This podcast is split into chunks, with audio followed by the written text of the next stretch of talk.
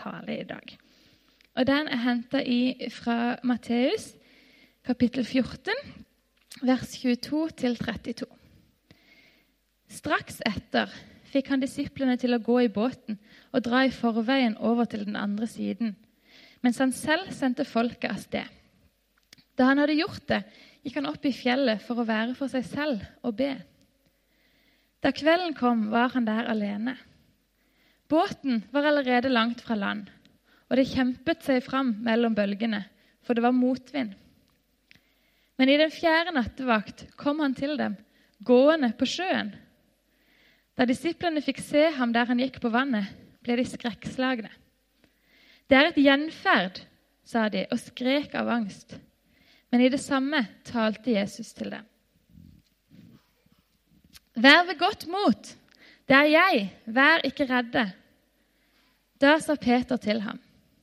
Herre, er det deg, så si at jeg skal komme ut til deg på vannet. Kom, sa Jesus. Peter steg ut av båten og gikk på vannet bort til Jesus. Men da han så hvor hardt det blåste, ble han redd. Han begynte å synke og ropte, 'Herre, berg meg!' Straks rakte Jesus hånden ut og grep fatt i ham og sa, 'Du lite troende, hvorfor tvilte du?' Så steg de opp i båten, og vinden stilnet. Kjære far, tusen takk for at du er her. Takk for at vi får lov til å feire gudstjeneste. Flott å se dere alle sammen. Ehm, jeg eh, fortalte sist, eller ikke sist men første gang jeg var her, så fortalte jeg at jeg var eh, sånn, sånn der i hvert fall interessert i fotball og, og eh, syntes det var gøy med Viking. Vi kan ikke bare være medgangssupportere, ikke sant? Vi, eh, og så kom jeg til å tenke på det innenfor denne gudstjenesten at eh, det var jo en som sammenligna menighetsarbeid med nettopp en fotballkamp. Men liksom der det er elleve utespillere som eh, med et desperat behov for hvile, og så en horde mennesker på tribunene med et desperat behov for aktivitet. Og det, det kan vel opp, eh, oppsummere eh, ganske mange også menigheter, egentlig. At det er noen som eh, jobber veldig, og så er det da en del som er understimulert iblant oss. Og Det varierer jo litt da fra, fra sted til sted. Og Mitt ønske med, med denne taleserien Tro i bevegelse har jo da vært å inspirere deg til å eh, der du er i livet, med de evner og krefter som Gud har gitt deg, at du kan få lov å være i bevegelse med det og tjene Gud med det. Jeg tror det var Lastebileiernes eh, forbund som hadde som motto for noen år siden at eh, uten bilen så stopper Norge. Eh, og jeg vil vri litt på det og si at eh, uten de frivillige i en menighet så stopper menigheten. Eh, når jeg tenker tilbake på nesten 40 år i tjeneste som pastor, så, så tenker jeg på alle de eh, frivillige. Og da, da, da, kan jeg få tårer i øynene når jeg tenker på de. Eh, alle de som uke etter uke, år etter år står på post og tjener Gud. Uten dem så hadde det ikke vært noen menighetsvekst. Uten dem så hadde ikke det skjedd som skjedde. Og jeg tror det er så enormt viktig at vi hver enkelt av oss finner vår plass. Det er liksom det, Da tenker jeg på menigheten. Men menighet er ikke bare liksom innenfor disse veggene. Menighet er også der vi er, den enkelte. Vi går ikke til menighet som en sammen, vi er menighet. Vi er menighet der Gud har plassert oss. Og når vi er på superen eller vi er på jobb, eller hvor vi er Tenk, vi skulle, da når folk møtte oss, så skulle de møte det beste medmennesket. Fordi vi har noe annet. Vi har noe her på innsida som eh, er Jesus Kristus. Og av og til, heldigvis, så lyser han ut gjennom øynene våre. Mennesker kan kjenne, merke, at vi har med Gud å gjøre. Og Det er det som er så fantastisk. Og så tror jeg vi kan øve opp denne sensitiviteten i det daglige, der vi ferdes. Og vite dette som du var litt inne på, at eh, Gud er gått, for, er gått foran her. Gud gjør noe her. Og så kommer jeg inn i det Gud gjør, og så får jeg lov til å være med og være en bekreftelse. Være et medmenneske. Ja. Ja. Nå må jeg passe meg så ikke jeg blir for inspirert, for da eh, jeg skal prøve å holde klokka her. Eh, temaet i dag har jeg da kalt eh, 'Tro i bevegelse', eh, og da som en eh, bærekraftig trosvandring. Jeg har henta teksten fra Matteus som ble lest her 14. og Jeg skal ikke ta hele den teksten, for den er veldig stor, og den inneholder så mange fasetter. Jeg har egentlig en, en, eh, en eh, tale til, da, eh, om en tale to. Du får én i dag. Fordi den har så mange ting. Men jeg vil ta for meg den, bærekraftige trosvandringen. Og jeg kommer til egentlig å snakke mer om, om Jesus enn om Peter. For det, det er det som jeg kjenner i, i dette å, å bære fram. Eh, I politikken for å begynne der, så snakkes det mye i dag om en bærekraftig utvikling. Og I miljøbevegelsen sier man, eh, taler man om en bærekraftig ressursbruk.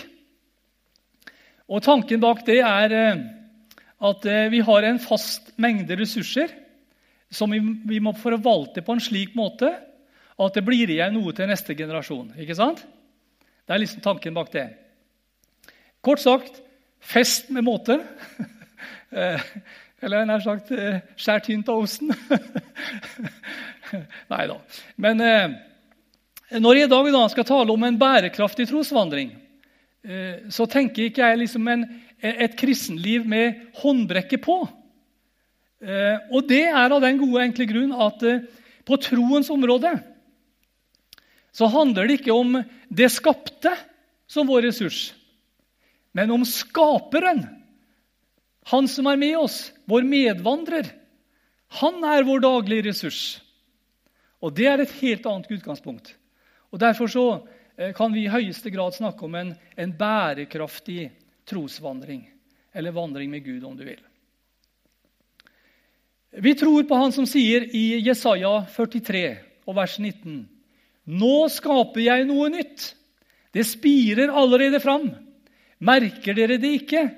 Ja, jeg legger vei i ødemarken og stier i ørkenen. Nå skaper jeg noe nytt. Så når jeg taler om en bærekraftig trosvandring, så bygger altså dette på en fortsatt Og jeg har lyst til å si halleluja. Skapende Gud en fortsatt skapende Gud, ja, som er vår daglige ressurs. Jeg tenker da på at våre trossteg kan være bærekraftige, ha evne til å gi frukt. Også over tid så, så trenger, trenger det vi gjør, å være injisert av Gud.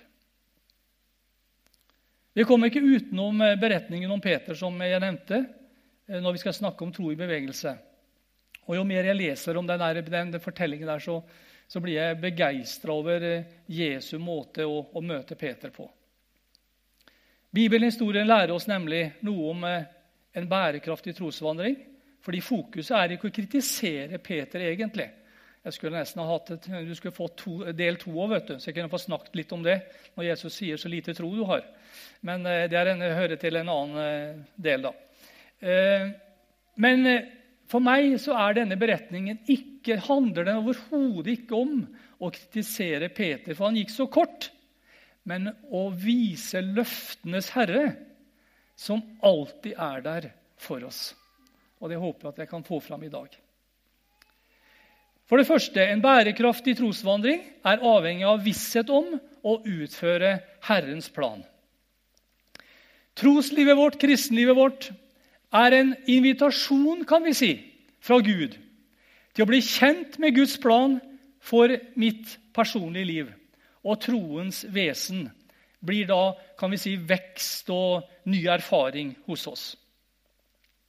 Uansett om det er menigheten eller oss som enkeltkristne, så trenger vi visshet om at Herren er med i det vi foretar oss.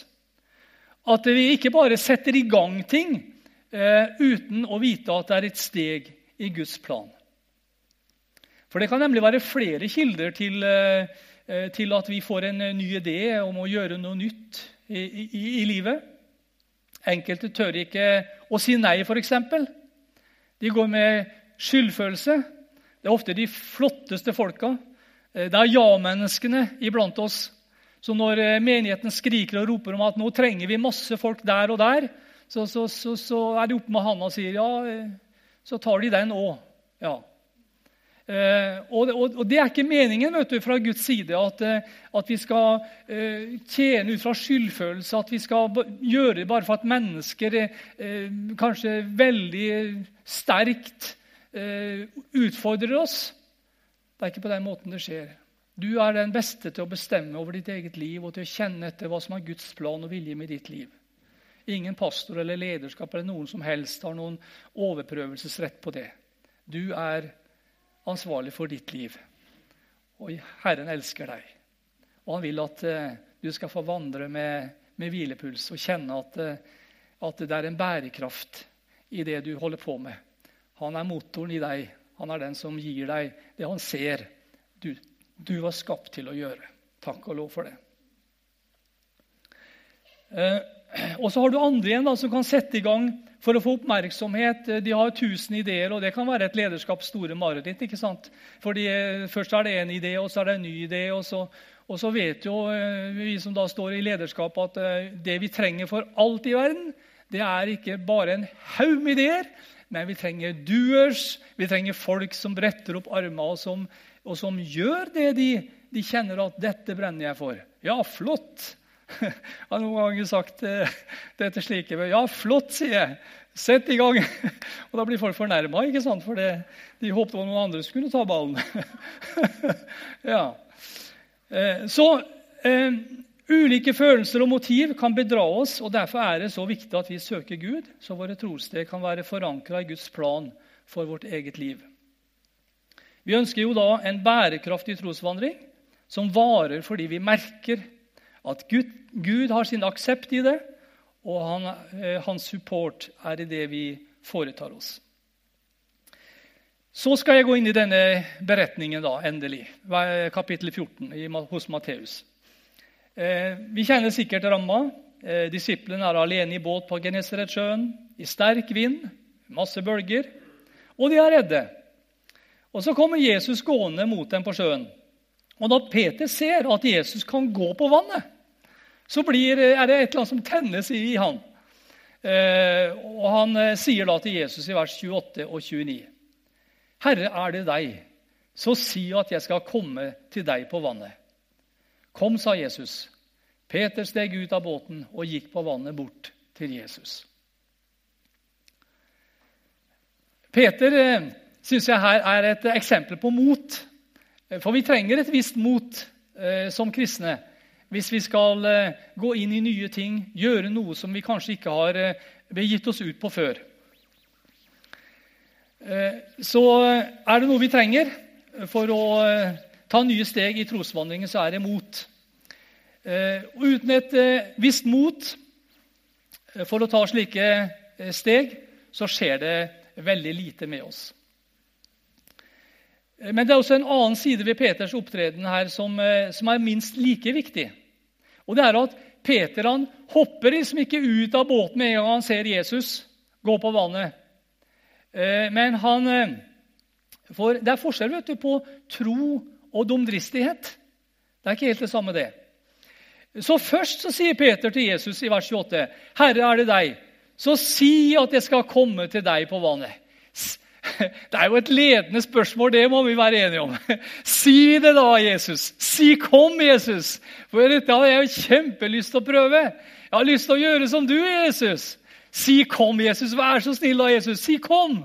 Så det er ganske ledende spørsmål, egentlig, det han stiller. Men, men det, det, er typisk Peter. Han, han vil dette sterkt. Han vil prøve dette.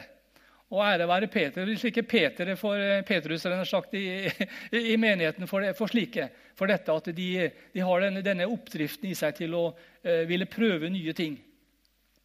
Så først så sier altså uh, spør, Jesus, uh, spør Peter Jesus om, om tillatelse. Si 'Kom, Jesus', for da vil jeg komme ut til deg. Og jeg vil si til deg, Trå aldri ut i det ukjente uten at du har spurt Jesus om Jesus er i din drøm, i, i dine planer og tanker. Fordi eh, vi kan veldig fort gå feil. Jeg skal ikke bruke tid. Jeg har hatt sjelesorg med mange mennesker som har vært de aller varmeste, flotteste, beste kristne. Eh, og Noen ganger så, så, føler de eh, noen ganger at eh, Gud stiller noen krav og forventninger som, som, som egentlig ikke er der. Og jeg måtte ha hjelp av folk og veilede dem. Jeg kan ikke komme inn på det nå. Jeg, jeg går på podkast, så det Men eh, trå aldri ut i det ukjente uten at eh, du har spurt om Jesus er i din drøm. Jesus er jo ikke fysisk iblant oss lenger. Og Derfor så kan det av og til være litt mer krevende enn da disse disiplene hadde liksom han eh, face to face. Når det gjelder dette å, å få, få visshet om er dette Gud, er Gud i dette eller ikke? Det kan være litt mer, at det krever litt mer tålmodighet av oss å oppfatte Herrens stemme og hva som er hans vilje og kall. Men det som jeg er glad for å kunne si, det er at Jesus forkaster oss aldri, sjøl om det skulle bli litt prøving og feiling. Jeg tror han heller vil at vi skal prøve å feile litt, enn ikke komme ut av båten og sette i gang og forsøke å, å gå inn i det som eh, kunne berike vårt kristenliv på en fantastisk måte. Selv troens far Abraham og Moses de bomma på hva som var eh, Guds vilje. Du husker det, ikke sant? Det var eh, Jeg skal ikke komme inn på det nå. Men så har du iallfall opplevd det at når, begynner, eh, når, du er inn i eh, hva skal jeg si, går på nye veier, prøver noe nytt, så kan det fort begynne å blåse.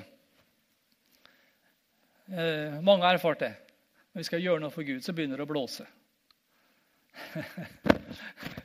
jeg tenker på hva Abraham hadde tenkt når han liksom eh, for, for år, marsjordren Gå inn i det land som jeg skal vise deg. Og Abraham han forlot alt og hadde ikke peiling på hvor han skulle. En bare går som steg for steg etter. Og så står det da han kom inn i landet, og det ble hungersnød i landet. Jeg tenker, Hva gikk gjennom huet til Abraham da? Var det meg sjøl allikevel som tenkte dette, eller var det Gud? Og Sånn kan det ofte være. vet du. At det begynner å blåse når vi går inn i, i sjøl det som er gudinjisert. Så kan det begynne å blåse litt, og så kan vi begynne å bli usikre. Men så er det flott da, at vi vet at Jesus han er med oss. Han er der, ikke langt unna. For det andre som jeg vil si, er at en, en bærekraftig trosvandring den trenger også visshet om at Herren ser deg.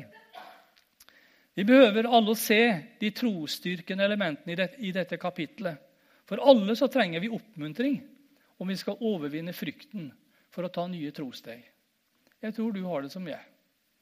Vi trenger det. Det er en del frykt. der. er frykt for å ofre det, frykt for å miste det, frykt for ditt og datt. Det er så mange sånne frykter som egentlig sier oss noe om uh, hva vi er bundet av. Matteus fortsetter da i vers 22 og 23, så sier han etter dette fikk han disiplene til å gå i båten og dra i forveien over til den andre siden. Og da han hadde gjort dette, gikk han opp i fjellet, så han kunne være for seg selv å be. Det er interessant. Det var Jesus som hadde sendt dem av gårde. ikke sant? Vi leser det. Etter dette fikk han disiplene til å gå i båten. Så det var altså injisert av Jesus. Og når Jesus sender oss, så er det så velsigna godt å vite han slipper oss aldri. Jeg vil ingenlunde slippe deg, ingenlunde forlate deg. Når Jesus valgte høyden over Genesaretsjøen for å be, så tror jeg personlig at det også var for at han kunne ha overblikk over hva som foregikk der ute på sjøen. I tillegg er jeg ganske sikker på at i bønnen hans så var disse disiplene som kjempet mot bølgene og, og sjøen der ute. Jeg er ganske sikker på det. For Romerbrevet 8,34 bekrefter at Jesus fremdeles er slik. Kristus Jesus døde, ja, mer enn det. Han sto opp og sitter ved Guds høyre hånd, og Han går i forbønn for oss. Takk og lov for det. Dette åget der, det er veldig viktig. Og han går i forbønn for oss. Tenk, du har en trofast forbeder som heier på deg, ber for deg hver eneste dag. Enten det blåser eller er stille, så er han der og ber for deg. Så leser vi videre at denne Jesus, som så at gutta sine var i trøbbel, han eh, sier i vers 25.: Men i den fjerde nattevakt kom han til dem, gående på sjøen. Og Fjerde nattevakt det var eh, faktisk mellom klokka tre og seks om morgenen. Så her får vi en liten sånn detalj vite at eh, Jesus jobber også nattskift. Det er jo bra. Og til å vite at når vi, de fleste av oss sover, så er også da, da er også Jesus i aktivitet. Ja, da ber han for deg. Gud vet alt om meg. Og han vet også alt om hva, hvem du er, hvordan du har det, hva du strever med, hva som er dine utfordringer i livet. Han vet hvilke utfordringer som kan holde deg igjen, og som gjør at du ikke våger å, å si ja til eh, den stemmen som sier at eh, skulle du ikke ha forsøkt det? Skulle du ikke ha gjort det?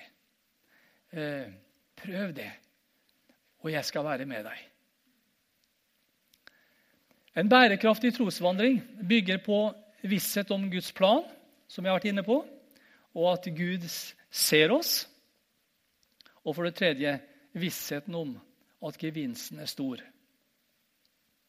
I vers 29 så sier Jesus, 'Kom', sier han. Og Peter steg ut av båten og gikk på vannet bort til Jesus.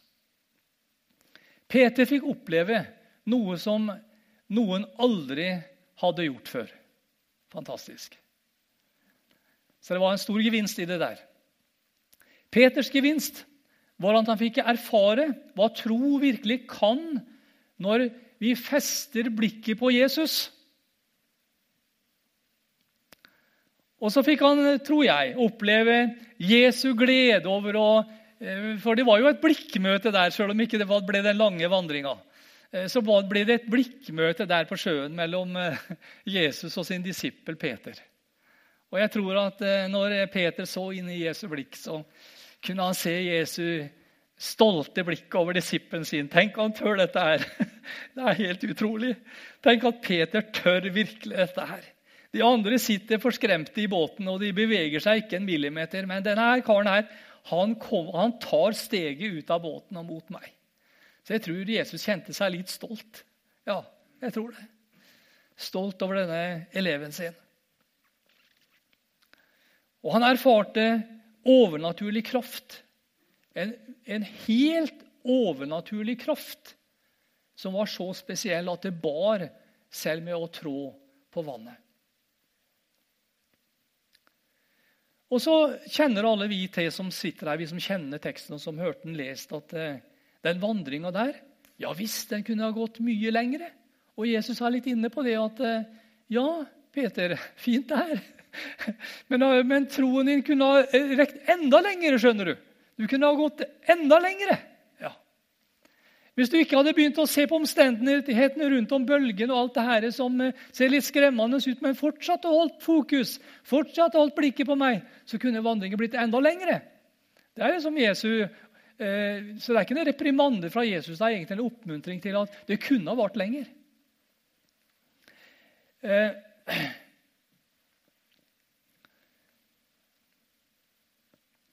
men uansett så vil jeg si det at selv om Peter kunne ha gått lengre, så fikk han oppleve noe som eh, ingen av de andre i båten fikk oppleve og erfare. De som satt trygt plassert der. Ingen av de fikk erfare dette som Peter fikk. Så jeg vil si Det sånn, det koster noe å stige ut av det som kjennes trygt i livet. Vi har alle en type komfortsone som vi nødig vil gå utafor. Og jeg har brutt mange sånne komfortsoner i livet. Og hvis jeg skulle tenke på det, så skulle jeg i hvert fall aldri ha blitt predikant. Det er i hvert fall helt sikkert. For jeg er, jeg er egentlig ganske eh, folkeredd og alt det der. eh, så skulle jeg gått etter det, så skulle jeg aldri vært forkynner. Nei. Men det ble kallet. Og så har det gått sånn steg for steg. da, vet du. Det er ikke sånn at du, eh, at du endrer ting i livet bare sånn, sånn, som dette her. Men det er en prosess hvor du starter, og så begynner du å gå. Og så kommer du etter hvert i mål.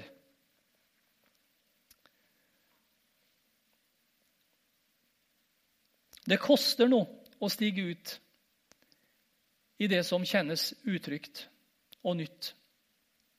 Men det, jeg vil si til deg, det koster sannelig også noe å bli i båten. Det, kost, det har sin pris å aldri prøve å, å, å, komme ut av båten, ut av komfortsona, og prøve Gud, teste Gud på det som Gud kaller oss til i det daglige. Og tenker ikke bare på tjenester sånn eh, i menigheten, faste tjenester, men tenker på også, det var innledningsvis inne på dette med å, å teste ut Gud i hverdagen, der vi er. For vi hører Guds stemme. Men det er klart, hvis vi ignorerer altså jeg, Nå hører ikke jeg sånne høylytte stemmer. det gjør jeg ikke. Det, kanskje du er glad for at jeg ikke gjør det. Men, eh, men jeg fornemmer, og jeg får, jeg, jeg får, inntrykk, jeg får sanseinntrykk. Jeg får, jeg får liksom på en måte en, en overbevisning på innsida. Du, sikkert, du, skjønner det, du som, har, som er i dette. Eh, at eh, du gjør det gjør det. Og det kommer, kan komme sterkere og sterkere. Men det er klart, hvis ikke vi går på det, så blir den stemmen svakere. Det betyr ikke at Gud har forlatt oss, men det betyr bare at vi hører ikke lenger så tydelig den stemmen. Og Derfor er det så viktig at vi er trofaste når eh, at vi går når eh, Jesus sier 'kom'.